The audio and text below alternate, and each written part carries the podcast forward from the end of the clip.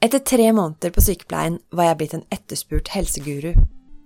En autoritet.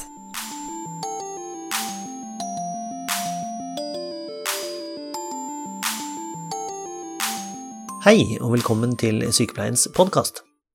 Liv Bjørnhaug Johansen er sykepleier ved nevromuskulær sengepost ved Drammen sykehus, og kvinnen bak sykepleiens faste spalte Liv Laga, som du her får høre i podkastversjon. Denne episoden har tittelen Søsterordenen. Før jeg ble sykepleier, var jeg kulturhistoriker. Innvandring, kulturmøter og særlig islam var mitt felt. Dette var på 2000-tallet, da 11.9. var ferskt og diskusjoner om islam, ekstremisme, hijaber og tvangsekteskap herjet kaffeselskapene over det ganske land. Du vil kanskje tenke at min ekspertise gjorde meg til en attraktiv samtalepartner, og at min kompetanse ble etterspurt i disse diskusjonene.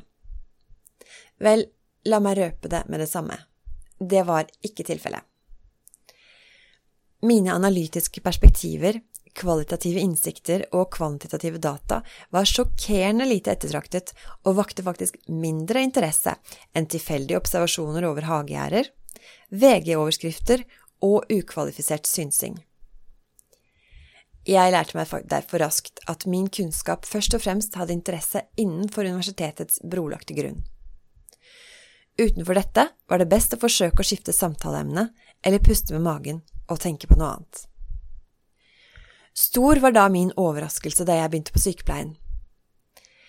Innen jeg hadde lært å skifte senger, begynte folk å komme til meg med små og flaue eller store og alvorlige spørsmål om sin egen og sin nærmestes helse. Og jeg, rørt over den plutselige tilliten jeg ble skjenket, leste meg opp om hemoroider, stråleskader, vaksiner og bruddheling. Alt jeg lærte på skolen, fikk jeg straks omsetning for. Burde X prøveseponere Lamictalen nå som hun følte seg bra? Kunne Y slutte med Simvastatin nå som hun trente og spiste sunnere? Skulle Z velge kirurgi eller stråling? Jeg bladde opp i felleskatalogen, leste og googlet, og mine studier ga frukter. Kakao mot forstoppelse leste jeg hos Florence Nightingale, og den stakkars femåringen fikk endelig ut en kanonkule av en bæsj. Svogerens ribbeinsbrudd helte på få uker etter at jeg ba ham spise mer proteiner. Etter tre måneder på sykepleien var jeg blitt en etterspurt helseguru. En autoritet. Hva er det så med sykepleien som gjør at man bare var meldt seg opp til studiet og kjøpt bøkene, straks har oppnådd en status som kunnskapsautoritet som jeg bare kunne drømme om som kulturhistoriker? Mine uendelige kunnskaper kan det ikke ha vært, for hvem som helst kunne googlet seg fram til de svarene jeg hostet opp som førsteårsstudent. Det er noe annet det bunner i. Noe opphøyet. Og noen ganger, når pasienter påkaller meg ved å kalle meg søster, fornemmer jeg hva det handler om. Å være en søster er noe mer enn å ha en bachelor. Det er å være opptatt i en orden, en sikkert tusen år gammel orden, av kunnskapsrike, empatiske og sterke kvinner.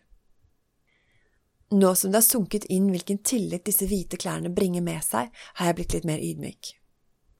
Jeg svarer ikke så skråsikkert lenger. Nå hender det at jeg sier dette vet jeg ikke nok om til at jeg tør å svare, men da forter jeg meg å legge til.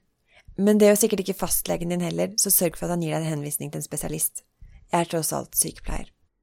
Det var Liv Bjørnhaug Johansen med sin faste spalte Liv laga.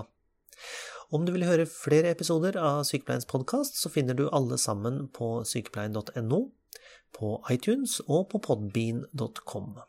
Om du bruker iTunes, så setter vi pris på en liten anmeldelse eller vurdering, og du kan også sende inn det du måtte ha av kommentarer og innspill til redaksjonen at sykepleien.no. Du når oss også via Sykepleiens Facebook-side eller vår Twitter-konto. Jeg heter Ingvald Bergsagel. Vi høres.